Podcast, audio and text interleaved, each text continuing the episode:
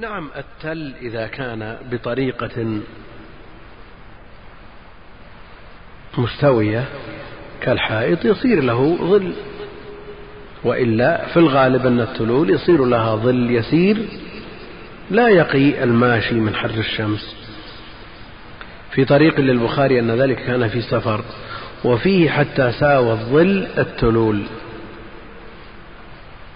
نعم إذا كانت التلول شاهقة يصير لها ظل مناسب يمشي فيه الناس. وعلى كل حال العلة معقولة. أحيانا يتضرر المصلي بتأخير الصلاة. شخص محتاج حاجة ماسة إلى الراحة والوقت شديد الحرارة ويريد أن يصلي في أول وقت وينام. نقول شدة الحر في جهنم أبرد بالصلاة ثم بعد ذلك ينام إلى أن تخرج أن يخرج وقت الصلاة. هذه النصوص إنما جاءت للرفق بالمصلين ورفع الحرج والمشقة عنهم. فإذا عارض مثل هذا الرفق وهذا الحرج ما هو أشد منه فالمطلوب الرفق بالمصلي. وفيه حتى ساوى الظل التلول عن سعيد عن أبي هريرة قال قال رسول الله صلى الله عليه وسلم اشتكت النار إلى ربها عز وجل فقالت أكل بعضي بعضا. اشتكت. اشتكت. بلسان الحال أو بلسان المقال. أو بأسلوب آخر. هل هذه الشكوى حقيقة أو مجاز؟ الأصل الحقيقة. والقدرة الإلهية لا يقف دونها شيء. يوم نقول لجهنم هل امتلأت؟ فتقول هل من مزيد؟ الأصل أن القول كلام لفظ. الشكوى أعم من أن تكون بالكلام أو بالحال.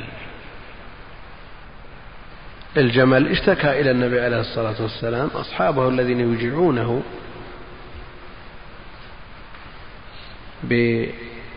بقرينة وعلامة عرفها النبي عليه الصلاة والسلام. لكن الأصل الحقيقة وأنها اشتكت حقيقة ولا مانع يمنع من هذا الأصل. اشتكت النار إلى ربها عز وجل فقالت أكل بعضي بعضا. نسأل الله السلامة والعافية. نار أوقد عليها ثلاثة آلاف نعم سنة. بعض الناس يقول يرتكب الكبائر ويقول إن مآله إلى الجنة. أنه لن يخلد في النار. لكن هذا المسكين يطيق المكث في النار مدة دقيقة واحدة. هذا الذي يقول إن العاصي لا يخلد في قول أهل السنة. نعم لا يخلد. لكن هل هذا المسكين عنده جلد يطيق حر النار ولو ثانية؟ الآن ما يصل إلى الأرض من شدة الحر وقد مات في هذا العام ألوف من شدة الحر. هذا نفس نفس فرق على الأرض كلها بل فرق على ما بين السماء والأرض. ووصلنا منه ما وصل كلكم أدرك شدة الحر في هذه السنة. ومتفاوت من بلد إلى آخر لكن الحر موجود. أكل بعضي بعضا. هذه النار وقودها إيش؟ الناس والحجارة. أكل بعضي بعضا فأذن لها بنفسين. نفس. مجرد نفس. وماذا يكون موضع النفس من جملة النار؟ نفس في الشتاء ونفس في الصيف. فأشد ما يكون من الحر من فيح جهنم. من هذا النفس من حر جهنم. وأشد ما يكون من البرد من زمهرير جهنم. نسأل الله السلامة والعافية. أمر خطير. تجد الإنسان في بعض أيام الصيف تستوي عنده الحياة والموت من القلق ومعروف أن الغالب أن الحر مؤذي لكن البرد قاتل في الشتاء عند اشتداد البرد ووجود الرياح والأمطار يتصور الإنسان مآله غدا ويعمل لهذا المآل. لا بد أن يعمل.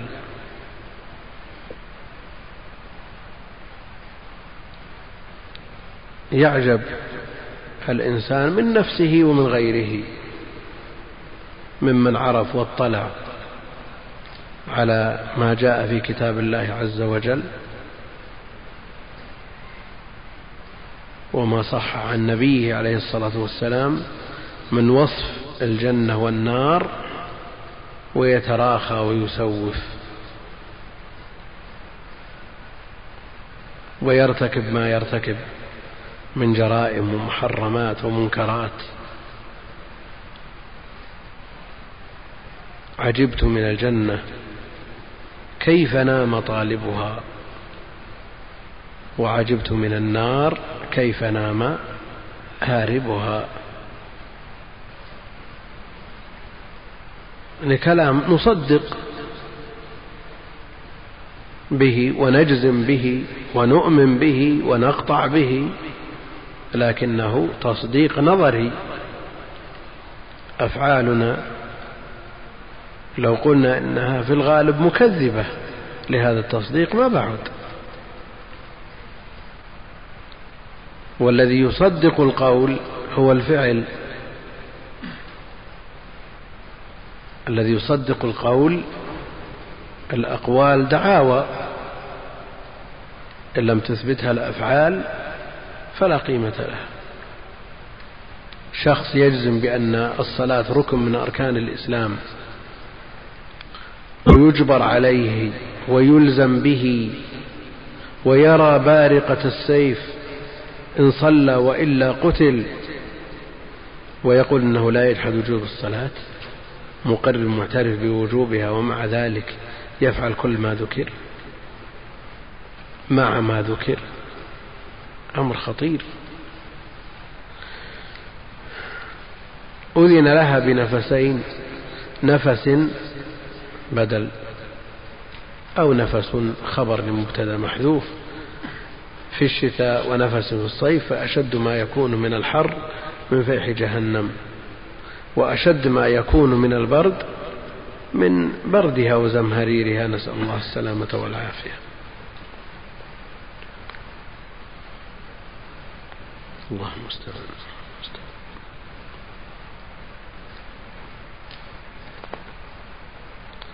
والله أعلم وصلى الله وسلم وبارك على عبده ورسوله نبينا محمد وعلى آله وصحبه أجمعين. السلام عليكم ورحمة الله وبركاته.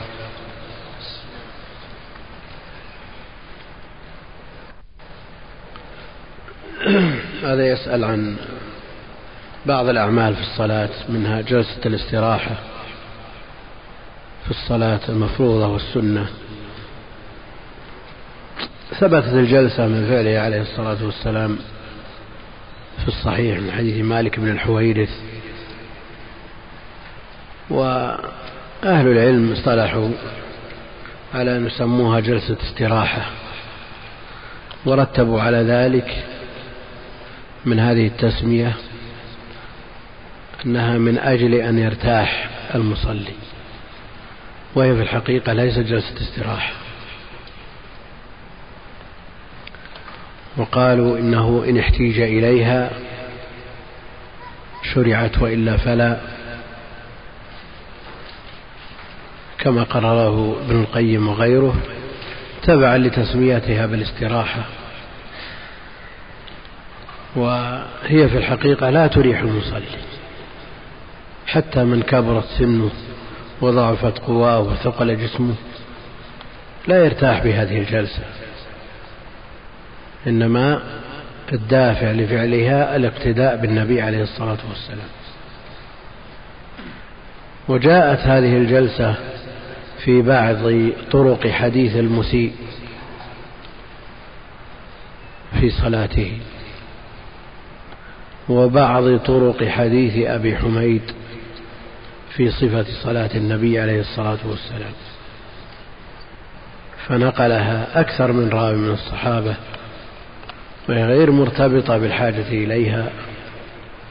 لو نظرنا إليها من حيث المعنى جلسة خفيفة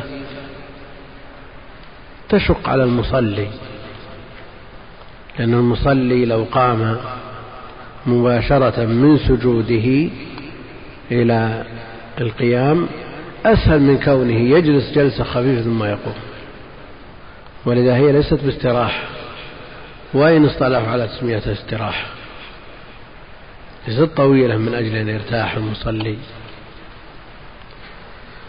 فهي مشروعة لكل مصل في الفريضة والنافلة.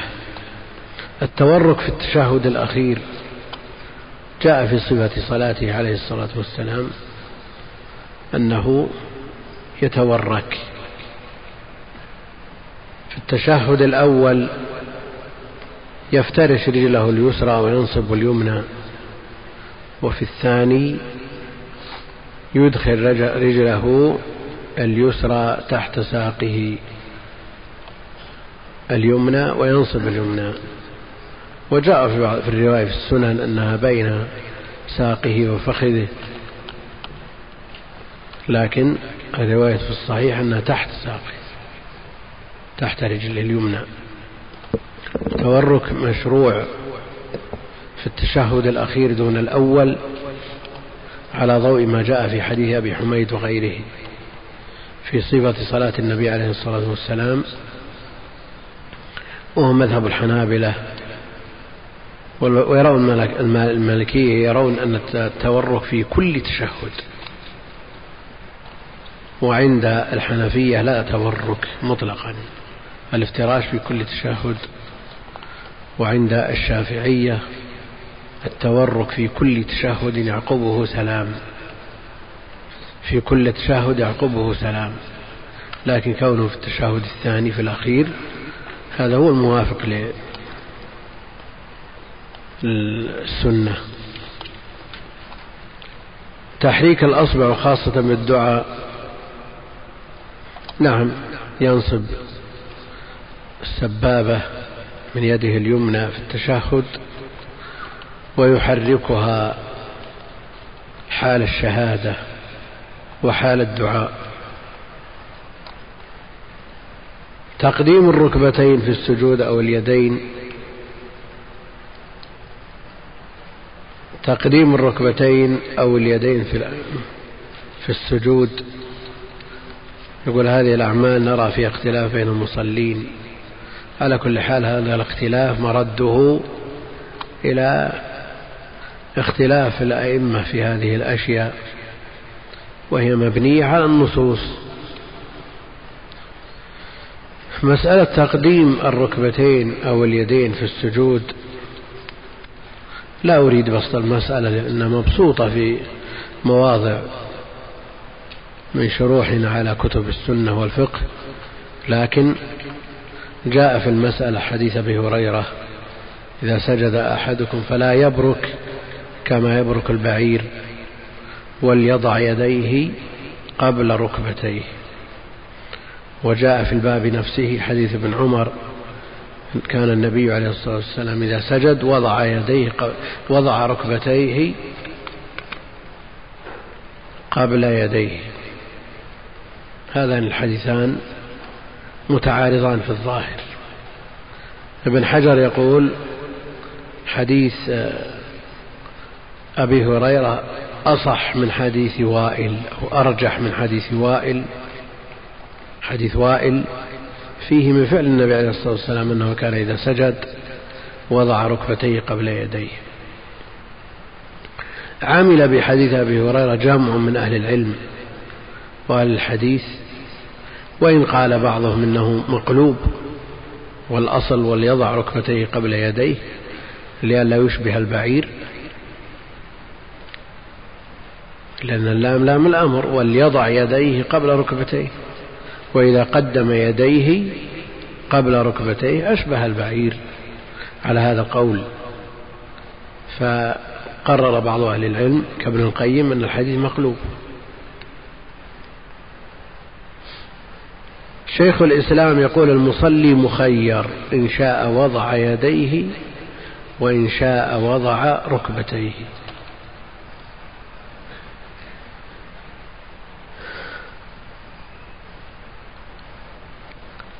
أقول الحديث حديث أبي هريرة ليس بمقلوب ولا إشكال في معناه وآخره يشهد لأوله. قد يضع المصلي يديه قبل ركبتيه ولا يشبه البعير. لماذا؟ لأنه متى يقال برك البعير وحصحص البعير إذا نزل على الأرض بقوة وأثار الغبار وفرق الحصى برك البعير. نعم إذا سجد المصلي وقدم يديه قبل ركبتيه بقوة نزل على الأرض بقوة بحيث يثير الغبار ويفرق الحصى أشبه البعير. لكن ماذا عما لو قدم ركبتيه قبل يديه بقوة على الأرض؟ يشبه إيش؟ يشبه إيش؟ يشبه الحمار. إذا نزل بقوة. فالملاحظ في الحديثين مجرد الوضع. فإذا وضع يديه قبل ركبتيه على الأرض امتثل قوله عليه الصلاة والسلام وليضع يديه قبل ركبتيه ولم يشبه البعير. وإذا وضع ركبتيه مجرد وضع على الأرض قبل يديه عمل بحديث وائل. وحديث أبي هريرة أرجح عند أهل العلم فإن له شاهدا من حديث ابن عمر. شيخ الإسلام لحظ الوضع في الموضعين. فقال المصلي مخير. إن شاء وضع يديه وإن شاء وضع يد ركبتيه يعمل الأرفق به. فلاحظ مسألة الوضع والوضع مجرد الوضع يختلف عن الارتماء بقوة على الأرض سواء على اليدين أو على الركبتين. ولا يخفى عليكم أن أهل العلم يقررون أن وضع المصحف على الأرض جائز. مجرد وضع المصحف على الأرض جائز. لكن رمي المصحف وإلقاءه على الأرض أمره عظيم جدا. فيختلف النزول على الأرض بقوة عن مجرد وضع اليدين أو الركبتين. فوضع اليدين مجرد وضع على الأرض لا يشبه البعير بحال لأنه يقال برك البعير إذا أثار الغبار وفرق الحصى. وأنت إذا نزلت على الأرض بقوة بركت مثل ما يبرك البعير. وإن قدمت ركبتيك على يديك عملا بحديث وائل مجرد وضع. نعم هو حديث مرجوح بالنسبة لحديث أبي هريرة لكنه من نظر إلى مجرد الوضع له ذلك كما قال شيخ الإسلام. لكن إن نزلت بقوة وحركت البلاط وطلع على البلاط صوت فأنت شبهت الحمار. مشابهة البعير ولا مشابهة الحمار؟ أيهما أسهل؟ أيهما أسهل؟ البعير أسهل من الحمار. المقصود أننا نفهم هذه المسألة يعني كلام بعض أهل العلم وهم من أهل الفضل يعني يقولون مقلوب ليس بمقلوب. كل من صحح الحديث نجزم بأن هذا فهم للحديث. ولا لو كان مجرد تقديم اليدين قلنا مقلوب كلنا نقول مقلوب. لأنه يختلف البعير كلنا نشوفه يضع يديه قبل ركبتيه لكن يضعهما بقوة. بعضهم يقول لا الحديث ماشي على ما أدري إيش ركبتي البعير في يديه وما أدري الكلام ده. لا نحتاج إلى هذا كله. إذا فهمنا معنى الوضع ومعنى البروك ينحل الإشكال. ينحل ولا ما ينحل؟ الإشكال. ها؟ كيف؟ إيه. لا لا لا. لا أصل الصلاة مبناها على الطمأنينة. مبنى الصلاة على الطمأنينة. لا الطمأنينة ركن من أركان الصلاة. المقصود أن المسألة مبسوطة في مناسبات كثيرة ولا نحتاج إلى أكثر من هذا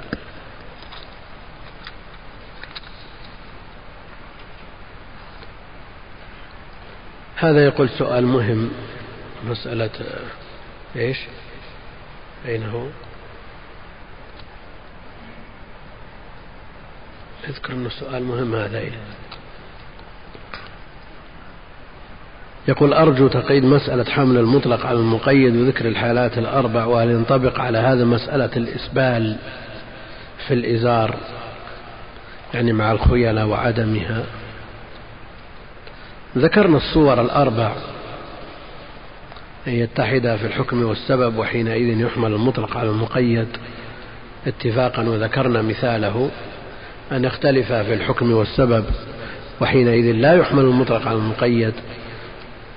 وذكرنا مثاله أن يختلفا في الحكم دون السبب أو يختلفا في السبب دون الحكم وذكرنا هذا كله. نأتي إلى ما جاء في الإسبال. جاء في الإسبال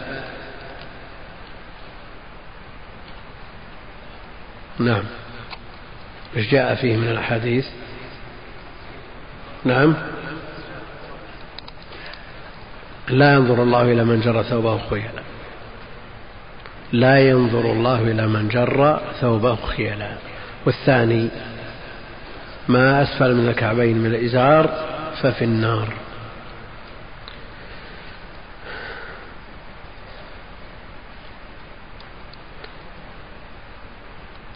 هنا اختلفا في الحكم والسبب. الحكم هذا متوعد بالنار لمجرد الإسبال. السبب الإسبال والحكم التوعد بالنار. الثاني سببه الخيلاء وحكمه لا ينظر الله إليه فحكمه أشد.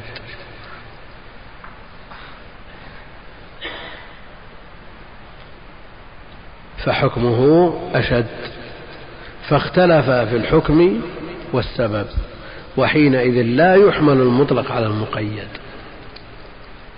في بعض الروايات لا ينظر الله إلى من جر ثوبه خيلاء لا ينظر الله إلى من جر ثوبه بدون خيلاء. نقول هنا يحمل المطلق على المقيد فلا ينظر الله إلى من جر ثوبه يحمل على المقيد خيلاء. لكن إذا جر ثوبه وأسبل ثوبه وأنزل ثوبه إزاره عن الكعب هذا متوحد في النار. وحينئذ لا يحمل المطلق على المقيد. إيش هذا يا هذا سؤال توجيه هذا. السؤال في الخلف. يسأل الحكم عن هذا يقول هذه الدعاية في محلات المركز العالمي للتسويق. ما حكم شراء مثل هذا النوع من الشركة؟ مع العلم. إيش مع العلم إيش؟ يتصل مع وراء. اتصل واربح مع أبوك. 500 دولار نقدي نقدا. هذا؟ هذا هذا من الميسر. هذا من الميسر. ومن أكل أموال الناس بالباطل. من أكل أموال الناس بالباطل. لأنه كم بيتصل عليهم؟ بيتصل عليهم ألوف. والاتصال أيضا على الرقم سبعمائة الدقيقة خمسة وبسبعة أحيانا وبعشرة بيتصل ألوف. ولن يربح إلا واحد. هذا هو الميسر. هذا هو القمار. هذا أكل أموال الناس بالباطل. هذا هذا هذا العمل حرام ولا يجوز الاشتراك فيه. أسئلة كثيرة جدا وفي واحد أو مجموعة يطلبون تخفيف الأسئلة وتقصير وقتها. نريد أن نمشي بالكتاب. الكتاب لن ينتهي يا أخوان.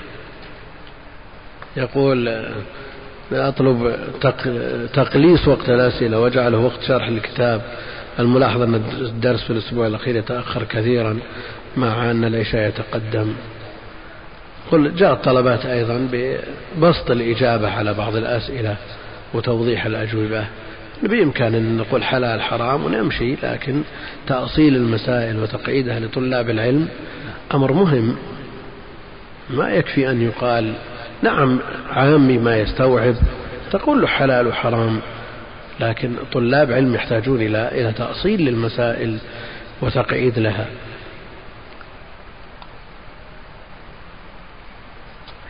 هذا يسأل عن طبعات طبعات تكلم عليه في مناسبات كثيرة. يقول ما حكم مصارعة النوم في صلاة الفجر؟ فإني أعاني منها كثيرا وما هو العلاج؟ العلاج ترك السهر. العلاج ترك السهر. ترك السهر هو العلاج. وقد وجه من قام للصلاة وغلبه النوم أن ينام لكن إذا كان هذا ديدا الشيطان ما يحضره إلا وقت الصلاة. فإذا أراد أن يقرأ القرآن أصابه النعاس. ولو نام جل الوقت. مثل هذا نقول غالب وصارع وكذلك الصلاة. لأنك لو استرسلت مع هذا الطلب وقلت ما دام النوم غالب أروح أنام يعني ما أنت تستمر.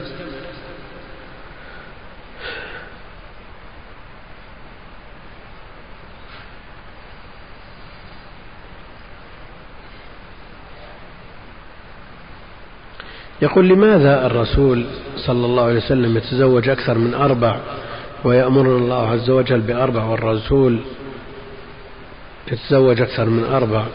هذه من خصائص النبي عليه الصلاة والسلام.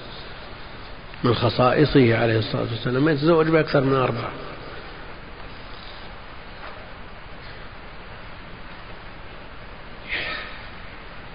أسئلة كثيرة وأشياء بعضها إنشائية ما يطلب نصيحة ولا يطلب شيء طيب لكن الأخوان يحثوننا على إيه، على السرعة نصيحة لطلبة العلم. نعم.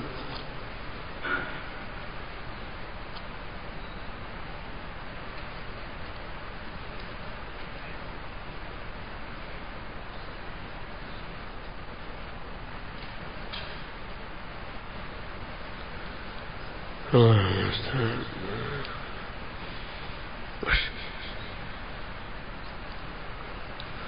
هذا نصف سؤال ورقة مقطوعة.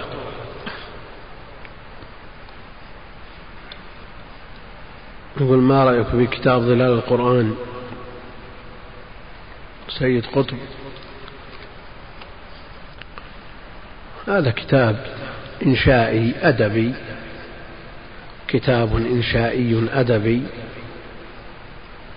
فيه اعتماد على بعض النصوص وليس من التفاسير المعتبرة عند أهل العلم إنما فسر القرآن حسب فهمه أصاب في كثير منه ولوحظ عليه الملاحظات وتركه من قبل طالب العلم لا يؤثر عليه لوجود هذه الملاحظات. وفيه آراء وفيه أفكار. بعضها يوافق عليها وبعضها لا يوافق عليها. والرجل ما ليس محسوبا من أهل العلم ولا معدودا منهم إنما هم من الأدباء. يكتب خواطر حول, حول الآيات. إذا تدبر شيء من كتاب الله كتبه فاجتمع عنده كلام على القرآن كله فسجله. وأجاد في كثير منه لكن عليه ملاحظات. فطالب العلم لا يفقد الحقيقة شيء بتركه والإعراض عنه لما يشتمل عليه من مخالفات عقدية. وأيضا فهمه لكتاب الله قد يختلف أحيانا عن فهم سلف هذه الأمة. شأنه في هذا شأن جميع التفاسير بالرأي نعم يخطئ ويصيب لكن العمدة في التفسير على ما أثر عن النبي عليه الصلاة والسلام وسلف هذه الأمة. من أراد أن يطلع عليه ويأخذ ما فيه من حق كما يطلع على غيره تفسير الكشاف ولا غيره من تفاسير القرآن بالرأي فيه فوائد.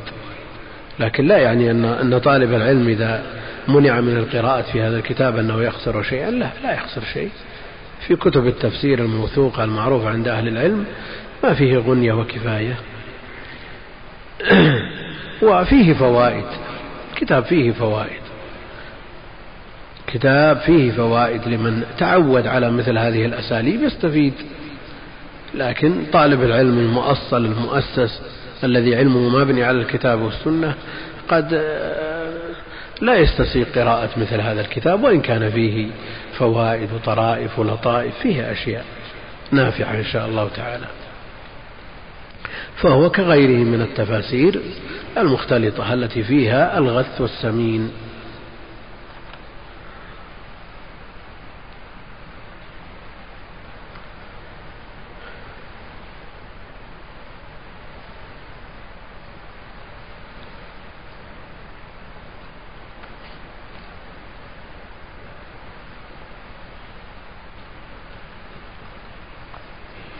كثيرة الأسئلة ما تنتهي. نعم سم.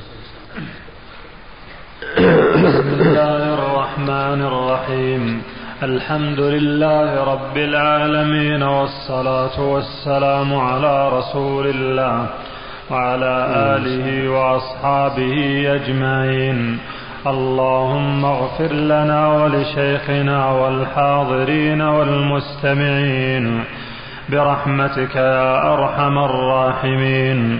أما بعد قال المؤلف رحمه الله تعالى وعن أنس رضي الله عنه أنه قال كنا نصلي العصر ثم يذهب الذاهب إلى قباء ثم يذهب الذاهب إلى قباء فيأتيهم والشمس مرتفعه وعن عروة عن عائشة رضي الله عنها قالت كان رسول الله صلى الله عليه وسلم يصلي العصر يصلي العصر قبل أن تخرج الشمس من حجرته طالعة وعن علي رضي الله عنه قال قال رسول الله صلى الله عليه وسلم يوم الخندق.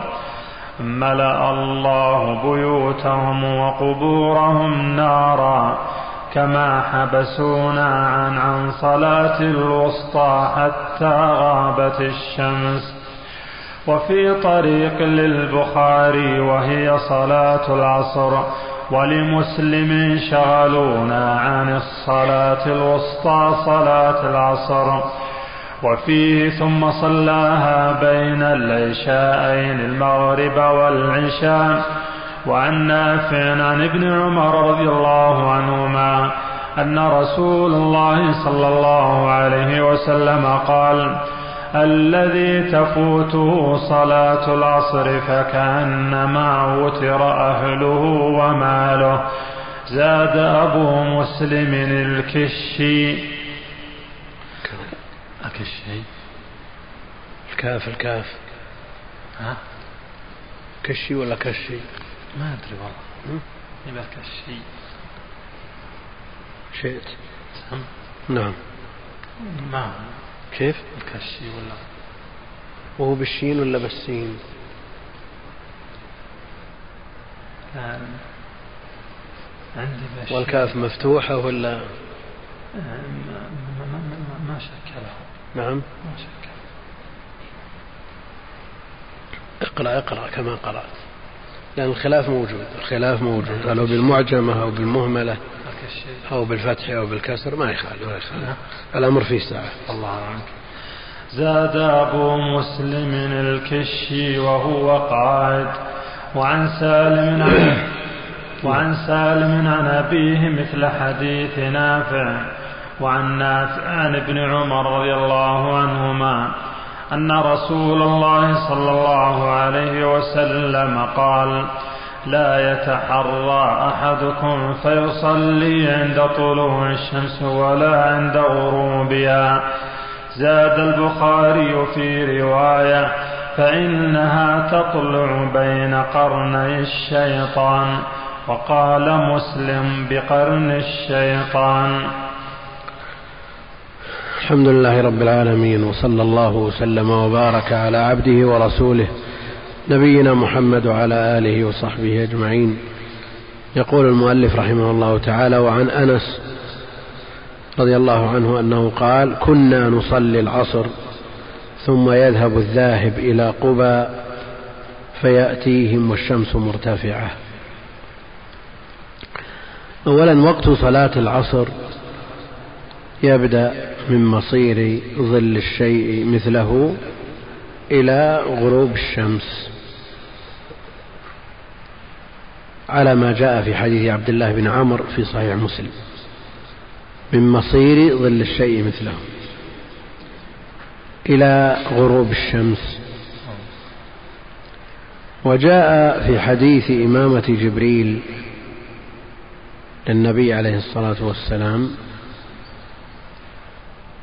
أنه أمه في اليوم الثاني في صلاة الظهر عند مصير ظل الشيء مثله. وأمه في اليوم الأول صلاة العصر عند مصير ظل الشيء مثله. في حديث عبد الله بن عمرو قال وقت صلاة الظهر إذا زاغت زالت الشمس إلى مصير ظل الشيء مثله ما لم يحضر وقت العصر. ما لم يحضر وقت العصر. فحديث عبد الله بن عمرو يدل على أنه لا اشتراك بين الظهر والعصر في قدر يتسع لصلاة الظهر ولصلاة العصر أداء. لا اشتراك بين الصلاتين في وقت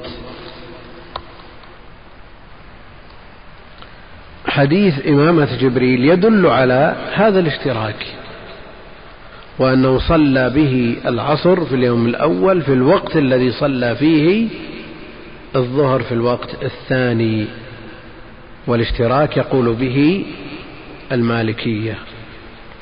يقولون في بين الوقتين في آخر وقت صلاة الظهر وأول وقت صلاة العصر قدر مشترك يتسع لأربع ركعات.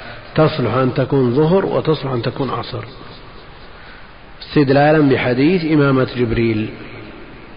وحديث عبد الله بن عمر صريح في أنه لا اشتراك بينهما وأن وقت صلاة الظهر ينتهي بمصير ظل الشيء مثله ما لم يحضر وقت العصر. وعلى هذا يمكن أن يوجه حديث إمامة جبريل. أنه صلى به الظهر في اليوم الثاني يعني فرغ من صلاة الظهر في اليوم الثاني عند مصير ظل الشيء مثله.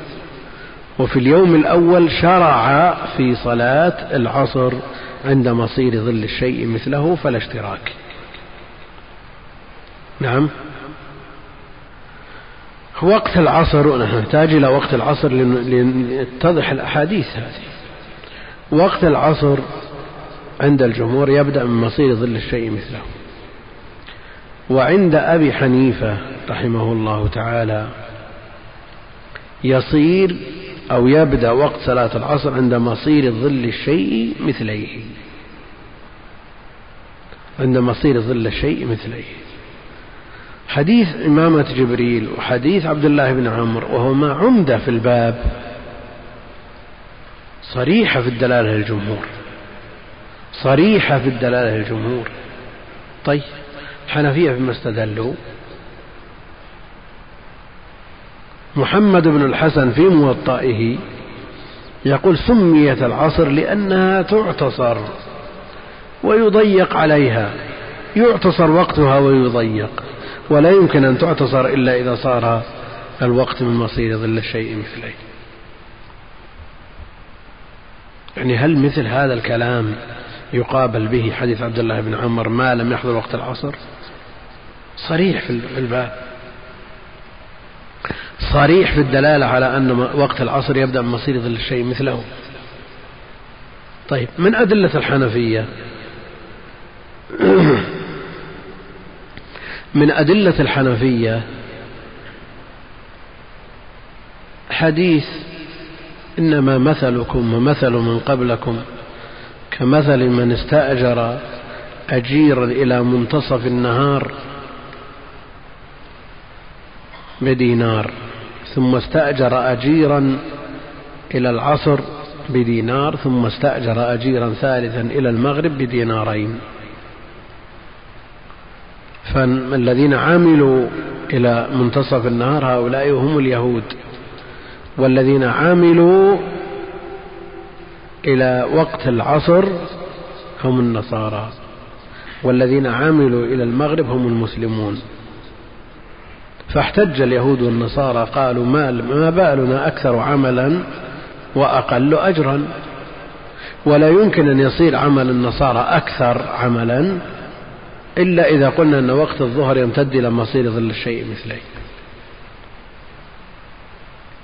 ولا يمكن أن يكون عمل المسلمين أقل إلا إذا قلنا إن العصر تبدأ من مصير ظل الشيء مثليه هذا استدلال من؟ الحنفية. نعم. لكن هل في هذا ما يستمسك به؟ ما يمكن أن يستمسك به؟ أما تسميتها عصر كيف لأنها تعتصر؟ لو قال قائل إن وقت العصر إنما سمي عصرا لأن العامل فيه يعتصر هذا الوقت ويستفيد منه بقدر الإمكان لأنه آخر النهار ومعروف أن الوقت إذا كان فيه ساعات ما يستفاد منه على الوقت المطلوب لكنه مع ذلك إذا ضاق الوقت أخذ الإنسان يستفيد بقوة من الوقت. فمثل هذا الكلام يواجه به مثل حديث عبد الله بن عمرو وإمامة جبريل لا يمكن. حديث الأجراء الثلاثة يمكن أن يواجه به الأحاديث الصريحة. ابن حزم يقول على القول بأن وقت صلاة العصر يبدأ من مصير ظل الشيء مثله. إلى غروب الشمس الظهر أطول من العصر في كل زمان وكل مكان. يعني حتى على قول قول الجمهور. الظهر أطول. كيف؟ لو نظرنا إلى التقويم مثلا. أذان الظهر متى؟ متى تزول الشمس؟ الساعة الثانية عشرة؟ حكم إلا خمسة. وأذان العصر ثلاث وخمسة وعشرين. كم يصير؟ يصير ثلاث ساعات ونصف. ثلاث ساعات ونصف من زوال الشمس إلى مصير ظل الشيء مثله. نأتي إلى العصر. من ثلاث ونصف إلا خمس إلى ست أقل من ربع ثلاثة عشر اليوم يعني كم؟ نعم. ثلاث إلا. ثلاث إلا ربع. ثلاث ساعات إلا ربع. أيهما أطول؟ الظهر أطول. حتى على قول الجمهور الظهر أطول. فبالإمكان أن يحتج النصارى بأن يقول عملنا أكثر. عملنا أكثر. ولا شك أن الذي يعمل في الظهر أطول وأشق. من الذي يعمل العصر. أطول وأشق من الذي يعمل في العصر. فالاحتجاج قائم حتى على مذهب الجمهور. فالاستدلال بمثل هذه الأدلة العمومات التي فيها ما سيقت من أجل هذا. هي ما سيقت من أجل بيان الأوقات. فنتشبث بمثل هذا ونترك الأدلة الصريحة. يعني استدلال بأعم العمومات كمن يستدل على قراءة الحائض القرآن. نعم. بإيش؟ اصنعي ما يصنع الحاج. افعلي ما يفعل الحاج غير ألا تطوفي بالبيت. الحاج بيقرأ قرآن إن شاء الله. ما هو بتارك من كتاب الله. إذا تقرأ القرآن الحائض. يعني استدلال بعموم عموم ما ما يمت إلى الموضوع من قرب. بعيد بعيد كل البعد من مما يستدل به عليه. فمثل هذا لا يصلح أن يكون دليلا. نعم يصلح أن يكون رافد من ضمن أدلة لكن يعتمد عليه ويعول عليه لا. نأتي إلى مسألتنا. إذا كان وقت صلاة العصر يبدأ من مصير ظل الشيء مثله لا شك أن الشمس سوف أو بقية النهار يكون طويل والشمس تستمر وقتا طويلا بيضاء نقية بيضاء نقية. ولذا ذكر حديث أنس إنه قال كنا نصلي العصر ثم يذهب الذاهب إلى قباء ثلاثة أميال فيأتيهم الشمس مرتفعة. ممكن. ثلاثة أميال يعني كم كيلو؟ خمسة تقريبا أو تزيد. تزيد على خمسة. المية كيلو ونص ها؟ المية كيلو ونص لا لا كيلو وين إلا ربع. كيلو وين إلا ربع. المقصود أنه يزيد على خمسة كيلو. خمسة كيلو مشيا على الأقدام كم تحتاج؟ الكيلو إذا قلنا المتوسط المشي عشر دقائق. أقل من ساعة أقل من ساعة. فيأتي إلى قبض والشمس بيضاء مرتفعة. عادي.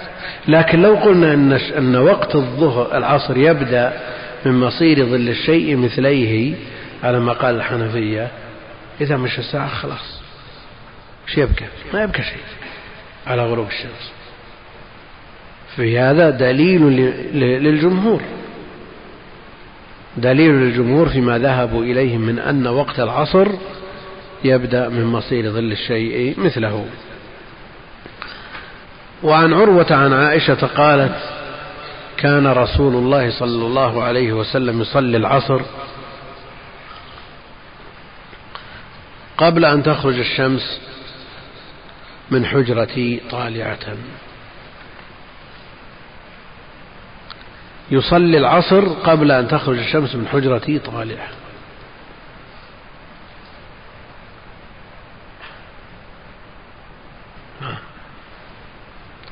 تصور الغرف واسعة وفسيحة.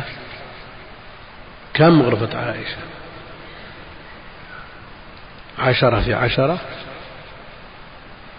نعم. لا حجر ضيقة. السقف باليد والعرض طول القامة.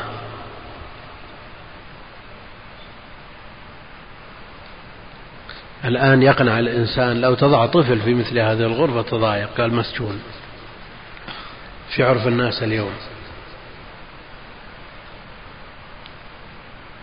واحد يبني قصر الحمام ستين متر مساحته. موجود. الحمام ستين متر. هذه ما هي بخيالات هذه واقعة.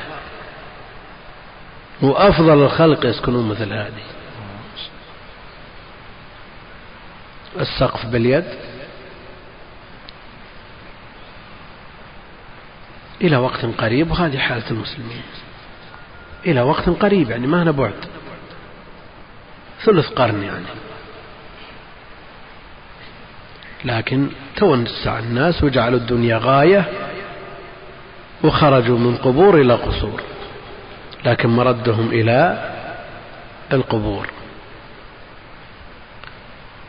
بعض المسؤولين دخل بيت شخص من كبار أهل العلم قبل خمسين سنة احتاج أن يطأطئ رأسه.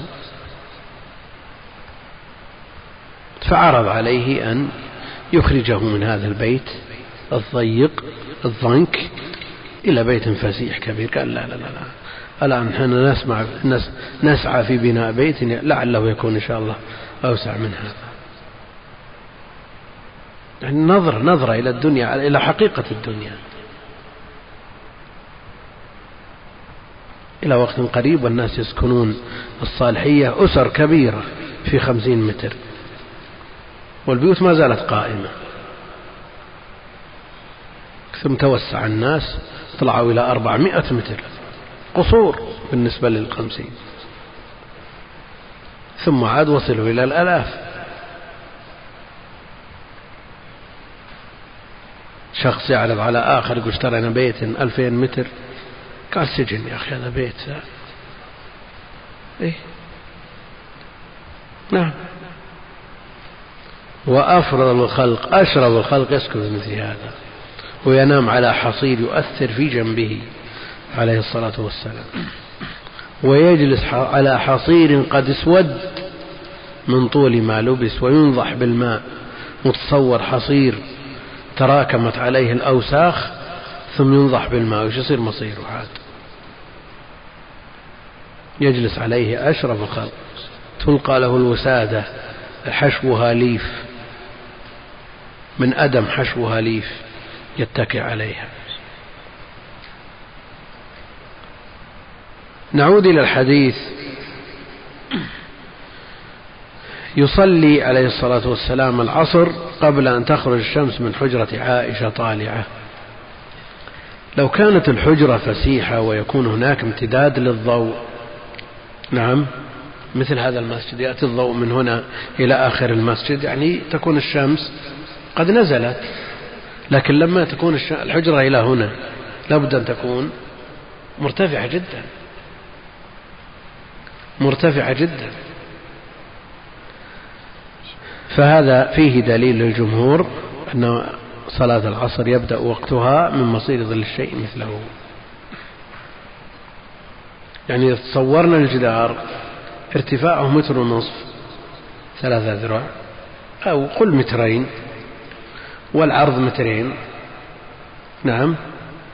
ومصير ظل الشيء مثله. نعم. هذا الجدار إذا نزلت من عنده الشمس نعم وصلت إلى الأرض. فهذا دليل على أن صلاة العصر يبادر بها ولا تؤخر. وعن علي رضي الله عنه وعن علي رضي الله عنه قال قال رسول الله صلى الله عليه وسلم يوم الخندق ملأ الله بيوتهم وقبورهم نارا كما حبسونا عن صلاة الوسطى حتى غابت الشمس. يوم الخندق يوم الأحزاب حينما اجتمع الأحزاب لحرب النبي عليه الصلاة والسلام وصحابته الكرام في السنة الرابعة وقيل في الخامسة. ملأ الله بيوتهم وقبورهم نارا كما حبسونا عن صلاة الوسطى. نعم. فوتوا الصلاة عن وقتها.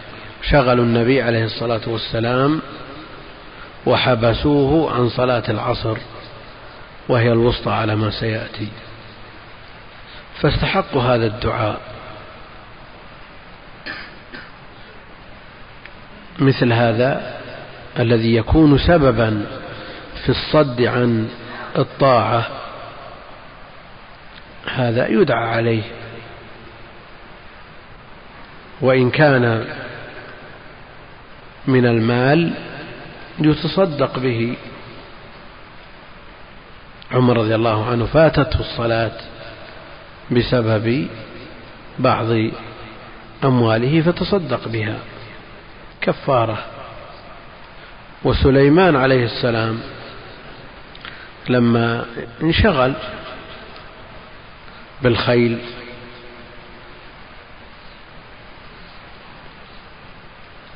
طفق مسحا بالسوق والأعناق.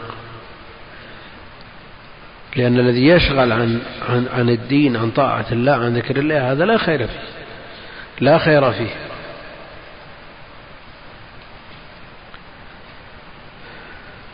ملأ الله بيوتهم وقبورهم نارا كما حبسون عن صلاة الوسطى. صلاة الوسطى. قالوا هذا من إضافة الصفة إلى الموصوف. هذا يجيزه الكوفيون ويمنعه البصريون كمسجد الجامع.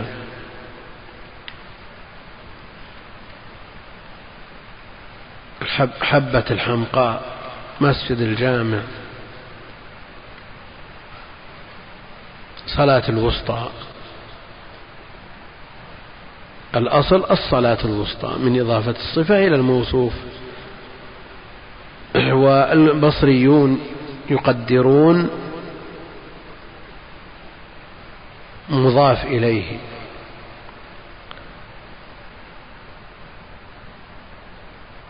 مسجد الجامع مسجد المكان الجامع. حبة الحمقاء حبة البقلة الحمقاء ولا يوجد مثل هذه الإضافة. وهنا صلاة الوسطى إيش؟ نعم.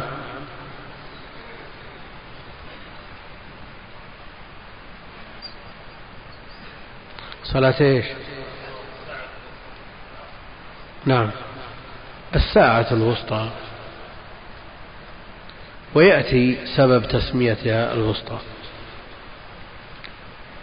حتى غابت الشمس. حتى غابت صريح في أنها غابت الشمس ولما يصلي عليه الصلاة والسلام العصر. وفي الرواية الثانية ثم صلاها بين العشاءين المغرب والعشاء. بين العشاءين. فأخرها عن وقتها. وهذا قبل شرعية صلاة الخوف. أما بعد أن شرعت صلاة الخوف فلا يجوز تأخير الصلاة عن وقتها مهما كانت الظروف. ولذا المرجح عند الإمام البخاري وابن القيم وجم من أهل العلم يقول أن صلاة الخوف شرعت في غزوة ذات الرقاع وهي بعد الخندق. على القول بأن الخندق سنة أربع. على القول بأن الخندق سنة خمس. من يقول بهذا يحتاج أن يقول أن صلاة الخوف لا تفعل في الحضر لأن الخندق في المدينة في المدينة ولا يوجد صلاة الخوف في الحضر لكن الصواب جوازها عند الحاجة إليها حضرا أو سفرا. وصلاة ذات الرقاع التي شرعت فيها صلاة وغزوة ذات الرقاع التي فيها شرعت صلاة الخوف بعد الخندق على قول المرجح.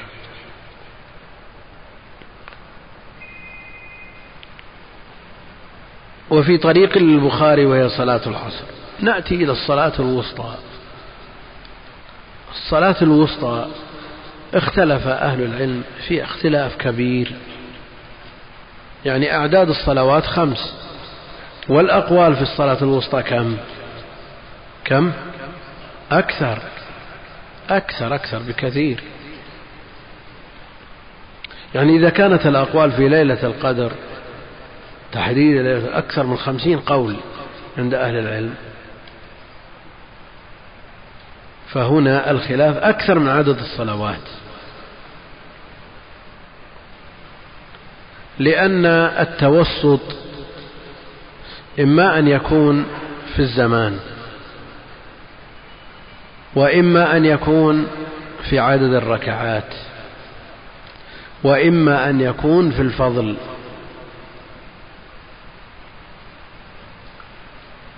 لأن الوسط يطلق على الخيار خيار الشيء.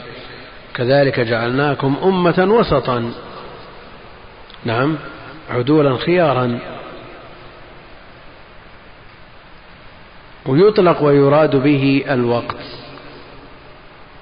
وعلى هذا ما من صلاة إلا ويصلح أن تكون وسطى.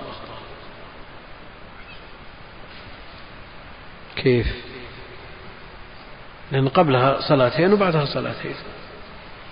قبلها صلاتين وبعدها صلاتين. جاء في النصوص ما يدل على أن الظهر الأولى الصلاة الأولى. من أين أخذ هذا؟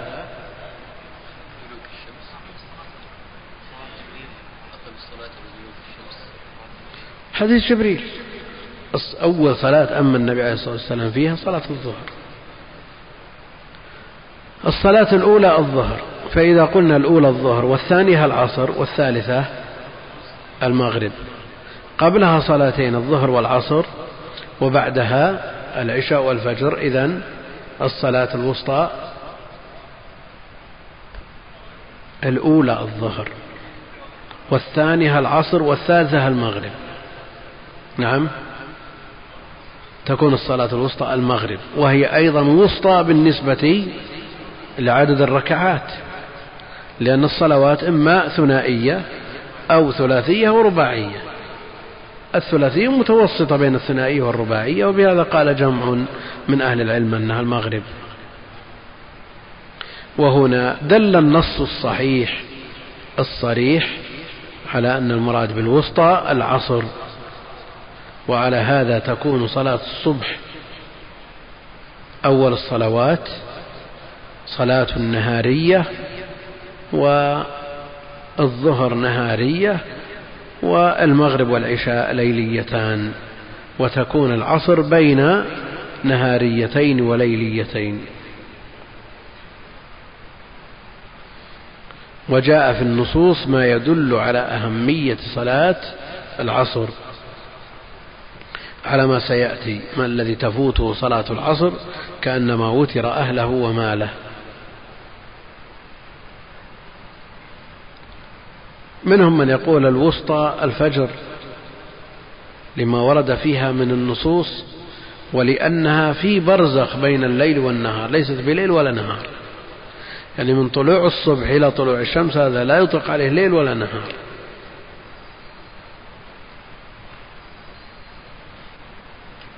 لأنه مختلف فيه هل يتبع الليل؟ على قول العلماء الهيئة ويتبع الليل لأن النهار يبدأ من طلوع الشمس. وعلى قول المتشرعة النهار يبدأ من طلوع الصبح بدليل أن الصيام يبدأ من طلوع الصبح. والليل لا صيام فيه. فكونها في هذا البرزخ الذي ليس بليل ولا نهار وقبلها صلاتين ليلي ليليتين وصلاة بعدها صلاتين نهاريتين تكون هي الوسطى. وبهذا قال جمع من أهل العلم. المقصود أن الأقوال كثيرة في المراد بالصلاة الوسطى وهذه النصوص التي بين أيدينا وهي صحيحة صريحة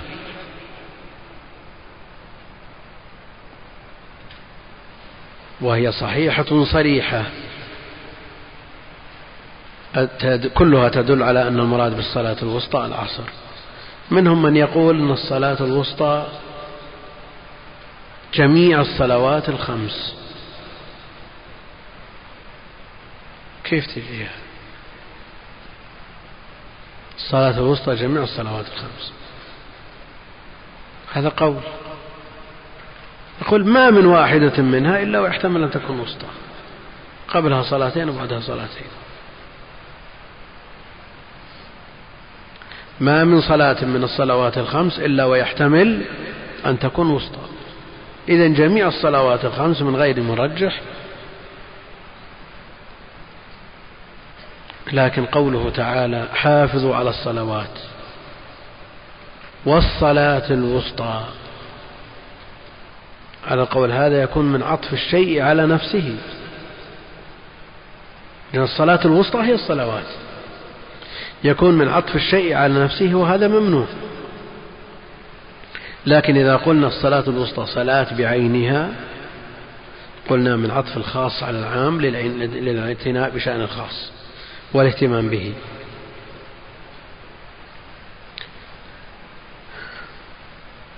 وفي طريق للبخاري وهي صلاة العصر ولمسلم يشغلون عن الصلاة الوسطى صلاة العصر.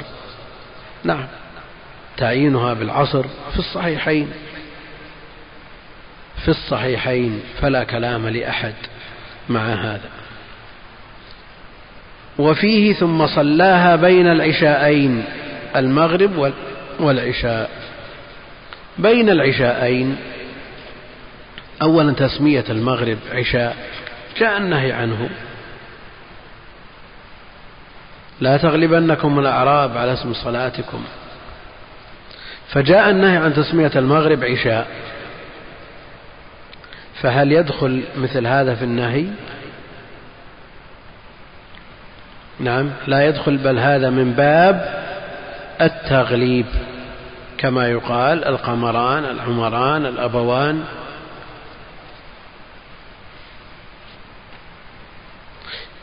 هل يصلح أن تقول لأمك يا أبتي؟ بمفردها. لا ما يصلح. هي أم. لكن يجوز أن تضمها مع أبيك تقول الأبوان. وهنا يجوز أن تقول العشاءين لكن المغرب جاء النهي عن تسميتها عشاء وهنا من باب التغليب. صلاها بين العشاءين المغرب والعشاء بين الوقتين أو بين الصلاتين.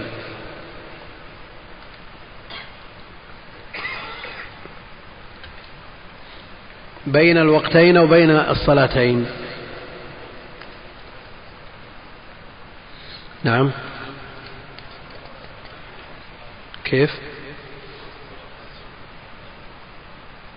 يقول بين العشاءين هل المقصود أنه بين الصلاتين بين صلاة المغرب وبين صلاة العشاء؟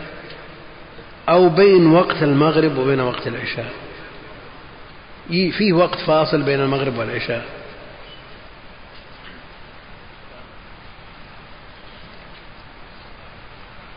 أو بمجرد مغيب الشفق ينتهي المغرب ويبدأ العشاء. فالبينية هنا وش معناها؟ نعم على مذهب الشافعية ما فيه إشكال أن وقت المغرب بقدرها وما بعد ذلك ليس بوقت لصلاة حتى يغيب الشفق. ودليلهم حديث إمامة جبريل أنه صلى المغرب بعد أن سقط القرص في اليوم الأول والثاني على حد سواء دل على أن لها وقت واحد. لكن حديث عبد الله بن عمرو وهو حديث مفسر. ووقت صلاة المغرب إذا غربت الشمس إذا غابت الشمس إلى مغيب الشفق. دل على أن وقت المغرب يستمر إلى أن يدخل وقت صلاة العشاء. فالبينية التي عندنا بين العشاءين المغرب والعشاء هل نقول أن صلى المغرب ثم صلى العصر ثم صلى العشاء؟ وعلى هذا فماذا عن الترتيب؟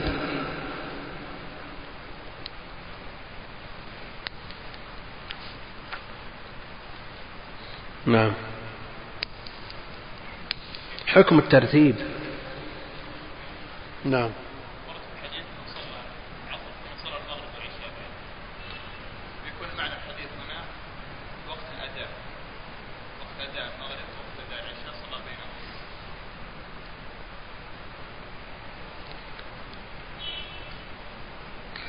جاء في بعض الروايات أنهم شغلوه حتى أصفرت الشمس وصلى العصر في وقتها.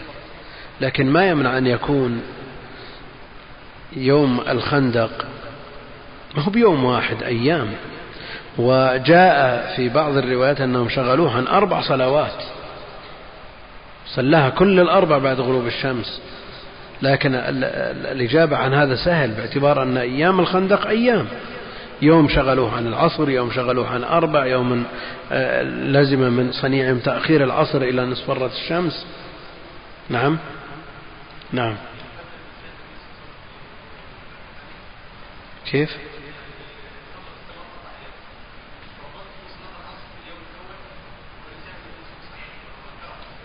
نعم. يعني صلى المغرب صلى المغرب نسي العصر. فصلى المغرب فتذكرها. ثم صلاها بعد المغرب ثم صلى بعدها العشاء. هذا جواب. العلماء يقولون يجب قضاء الفوائت فورا. يجب قضاء الفوائت فورا. مرتبة يعني الترتيب واجب. ولا يسقط الترتيب إلا بنسيانه. إلا بنسيانه. بعض العلم يقول ولا بالنسيان.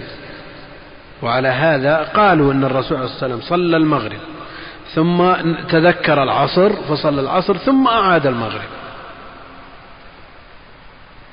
فعلى هذا الترتيب لا يسقط ولا بنسيانه. لكن النسيان عذر. ربنا لا تؤاخذنا إن نسينا أو أخطأنا ولا يسقط الترتيب إلا بنسيانه أو بخشية فوات وقت اختيار الحاضرة. فكأنه عليه الصلاة والسلام إما نسي على قول بعضهم أو يكون خشي فوات وقت الاختيار بالنسبة إلى المغرب وهو وقت ضيق فصلى ثم قضى العصر.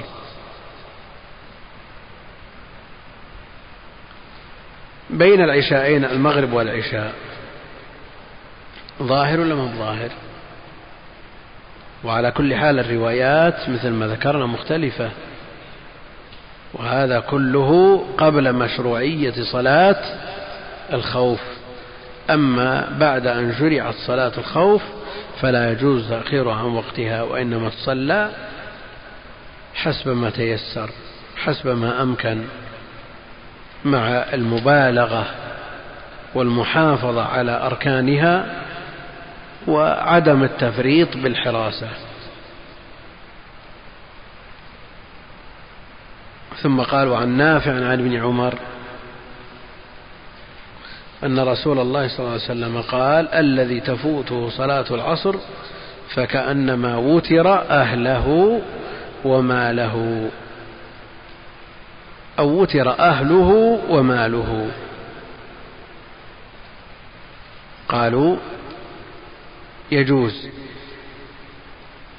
النصب والرفع. الرفع على أساس أن وتر مبني للمجهول. أهله نائب الفاعل. وتر أهله يعني به. وتر يعني نقص. لن يتركم أعمالكم يعني ينقصكم من أعمالكم شيئا. وتر يعني نقص أهله وماله به كأنهم فقدوه.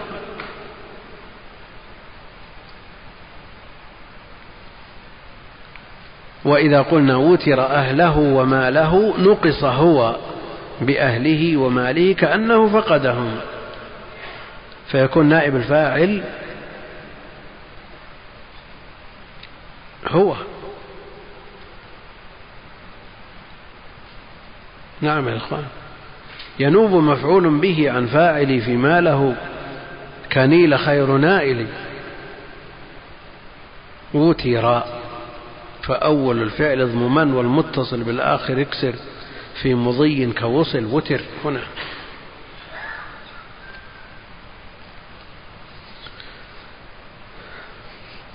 عرفنا إعراب أهله وماله على الوجهين ظاهر يا الخان.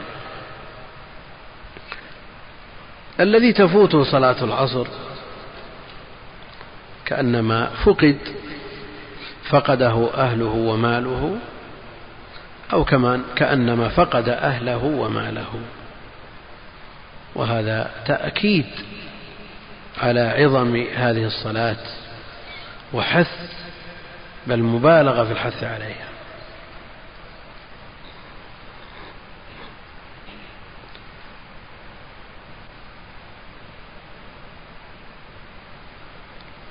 الذي تفوت تكبيرة الإحرام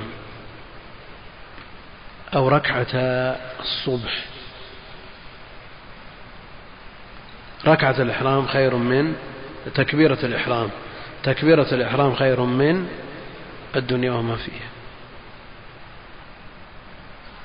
ركعتا الصبح خير من الدنيا وما فيها. لكن هنا الأمر أشد من مجرد فوات سنة أو تكبيرة. مقصود أن فوات صلاة العصر. ويختلفون في الفوات هنا.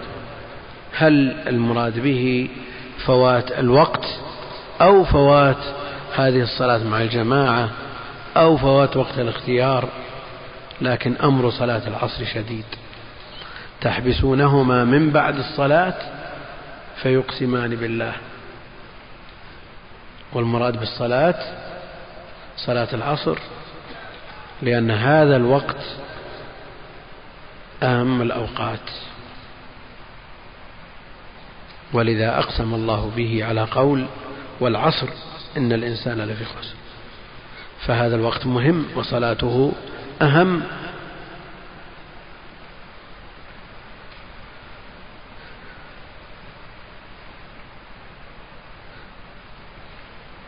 زاد أبو مسلم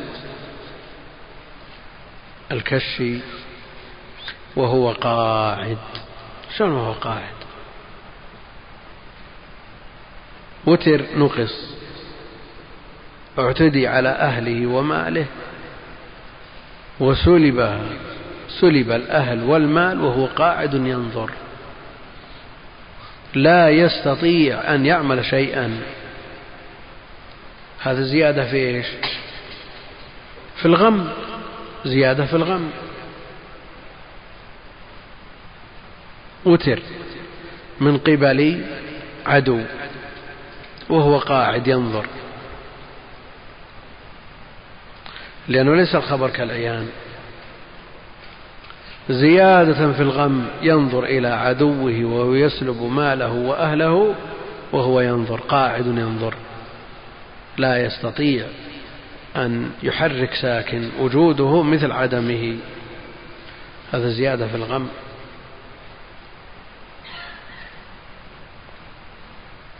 يعني كون الإنسان يفقد الأهل والمال نعم. بالقضاء والقدر مثلا يخسر في تجارته يموت ولده ميتة طبيعية. نعم. عليه أن يصبر ويرضى ويسلم لا ولا ولا هم ولا غم. إلا بقدر مصيبته. لكن يأتي عدو فيأخذ المال والولد من بين يديه وينظر قاعد لا يستطيع أن يتحرك. نعم. هذا أشد في همه وغمه نسأل الله العافية. ولذا قال وهو قاعد أي غير مقاتل ولا ذاب لأنه لا يستطيع ذلك. وهو مشاهد للمصيبة ينظر إليها. ولذا الكفار الذين لا يرقبون في مؤمن إلا ولا ذمة ماذا يصنعون بخيار الناس؟ يفعلون هذه الأفاعيل على مشهد منهم ورؤية منهم مبالغة في الإغاظة. مبالغة في الإغاظة. لأنهم أعداء لا يرقبون في مؤمن إلا ولا ذمة.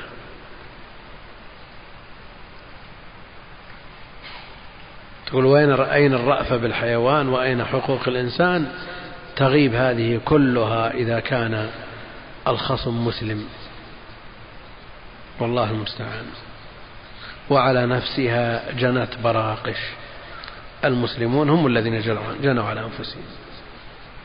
بعدهم عن دين الله وعن كتاب الله وعن شرع الله أوصلهم إلى هذه المرحلة. يدخل العدو إلى بيت من بيوت المسلمين. يأخذ طفل صغير ويضعه في القدر الذي يغلو على النار بين أمه وأبيه. ولا يستطيع أن يتحرك. يتصور الإنسان هذا المظهر وقد فاتته صلاة العصر. لكن مثل هذا آخر ما نفكر به. يدخل الشيوعيون بلد من بلاد المسلمين يدخلون المسلمين في مفارم مفارم اللحوم وتعلب وتصدر. لا يرقبون في مؤمن إلا ولا ذمة يعني ما ما حد يلومه في هذا. لكن حينما يقولون حقوق الإنسان والرأفة بكذا وين الناس الأبرياء؟ أين البراءة؟ والله المستعان. فلو إنسان استحضر هذا النص مع هذه الأحداث ما فاتته صلاة العصر. ولذا جاء الخبر ليس الخبر كالعيان ليس الخبر كالعيان يعني يمر الإنسان على هذا الخبر لا كأن ما يحرك ساكن عنده.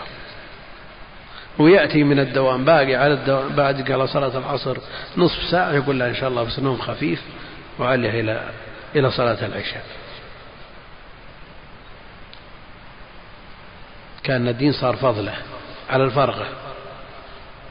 وصلاة الصبح يركب الساعة على الدوام الساعة سبعة.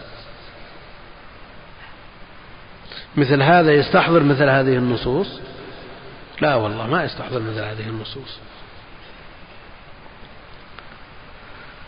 وعن سالم عن أبيه مثل حديث نافع الذي تفوته صلاة العصر إلى آخره.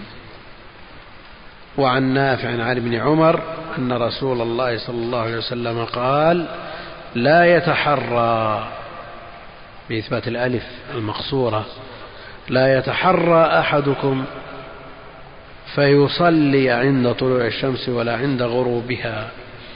لا يتحرى.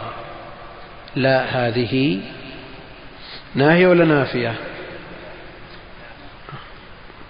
وحق الفعل أن يجزم بلا الناهية فلما أثبتت الألف؟ نعم. لا ما راح تستعصب الناس تحيا لا غير هذه. لا لا. لا لا. نعم. كيف؟ ما أسمع يا أخي.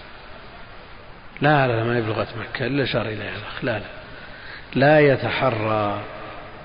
تحرى غير استحياء. لا يتحرى. قالوا إثبات الألف إشباع إشباع كما في قراءة إنه من يتقي ويصبر. ألم يأتيك والأنباء تنمي. يقول هذا إشباع. ولو قلنا إن لا نافية ويأتي النفي ويراد به النهي وهو حينئذ أبلغ من النهي الصريح. أبلغ حينئذ من النهي الصريح. لأن النفي ينفي تصور وقوع مثل هذا عن المسلم. النفي ينفي تصور وقوع مثل هذا عن المسلم. يعني مثل ما مر بنا بالأمس عن قول الشيخ المغربي الذي يقول أن العلماء يبحثون مسألة تارك الصلاة وحكمه يقتل حد ولا كفر هذا كلام نظري. ما يمكن يوجد مسلم يترك الصلاة. يعني احتمال يجي في عصر الدجال ولا في عصور شرار الناس من يترك الصلاة. يعني ما يخطر على البال. وهنا إذا قلنا أن لا نافية يعني ما يتصور أن مسلم نعم يتحرى بالصلاة. فضلا عن كونه يعني ما يتصور أنه المسلم ما يحتاج إلى نهي في مثل هذا. مسألة منفية أصلا. ويأتي النفي ويراد به النهي وهو أبلغ عند أهل العلم كما أن الخبر يأتي ويراد به الأمر وحينئذ يكون أبلغ. المطلقات يتربصن هذا أمر في حقيقته وإن جاء على صيغة الخبر. لا يتحرى أحدكم فيصلي فيصلي مضارع منصوب بإيش؟ بأن المضمرة بعد لا الناهية. فيصلي عند طلوع الشمس ولا عند غروبها. زاد البخاري في رواية فإنها تطلع بين قرني الشيطان. وقال مسلم بقرن الشيطان. هذه المسألة التي هي بعض أوقات النهي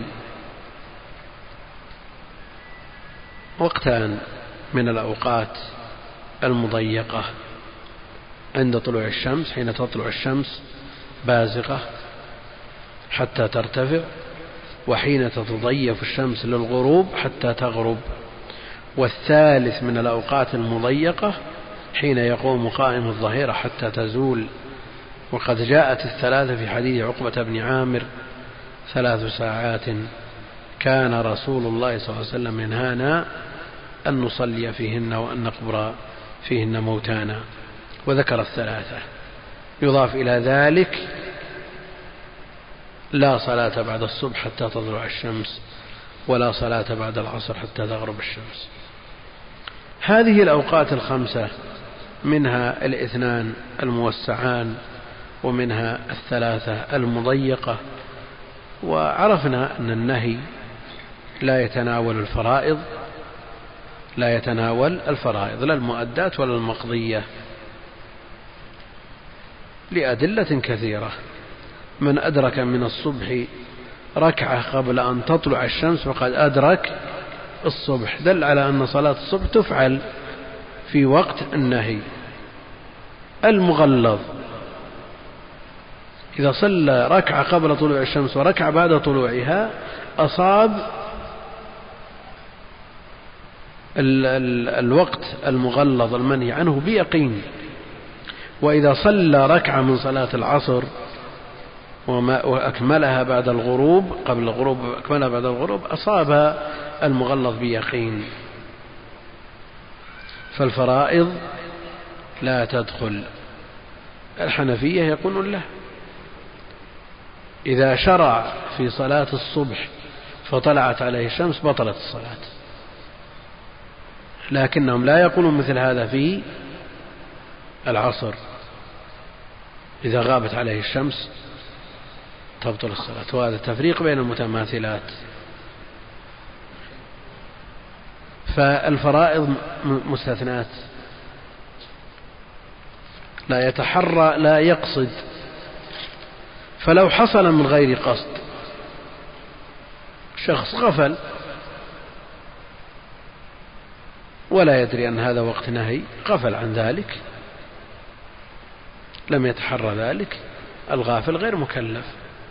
لكن كونه يتحرى ويرقب الشمس بحيث إذا طلعت صلى إذا بزغت صلى وإذا غربت صلى أو شرعت في الغروب شرعت فضيفت للغروب صلى مثل هذا يشبه الكفار الذين يسجدون للشمس. ولذا قال فإنها تطلع بين قرني شيطان. الشيطان يستشرفها إذا طلعت وإذا غابت. ليكون السجود للشمس سجودا له. تطلع بين قرني شيطان. يصاحبها إذا طلعت وإذا غربت.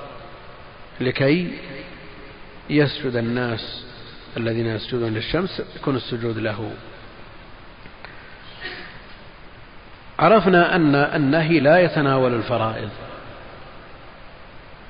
ويتناول النفل المطلق اتفاقا بين الأئمة.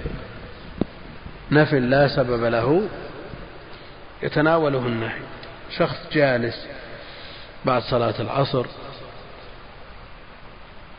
جالس الآن يقرأ مثلا مل من القراءة تعب. قال نصلي ركعتين عشان ننشط. نقول لا يا أخي لا صلاة بعد العصر. وإن كان في الوقت المضيق فالأمر أشد أيضا. يبقى الخلاف فيما له سبب كتحية المسجد وركعتي الطواف وركعتي الوضوء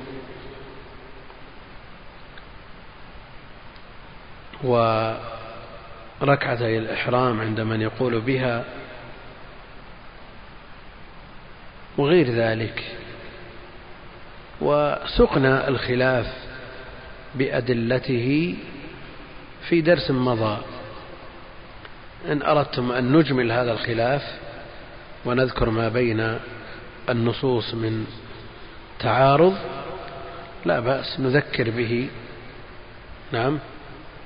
وإن كان الكلام السابق مفهوم فلا داعي لإعادته.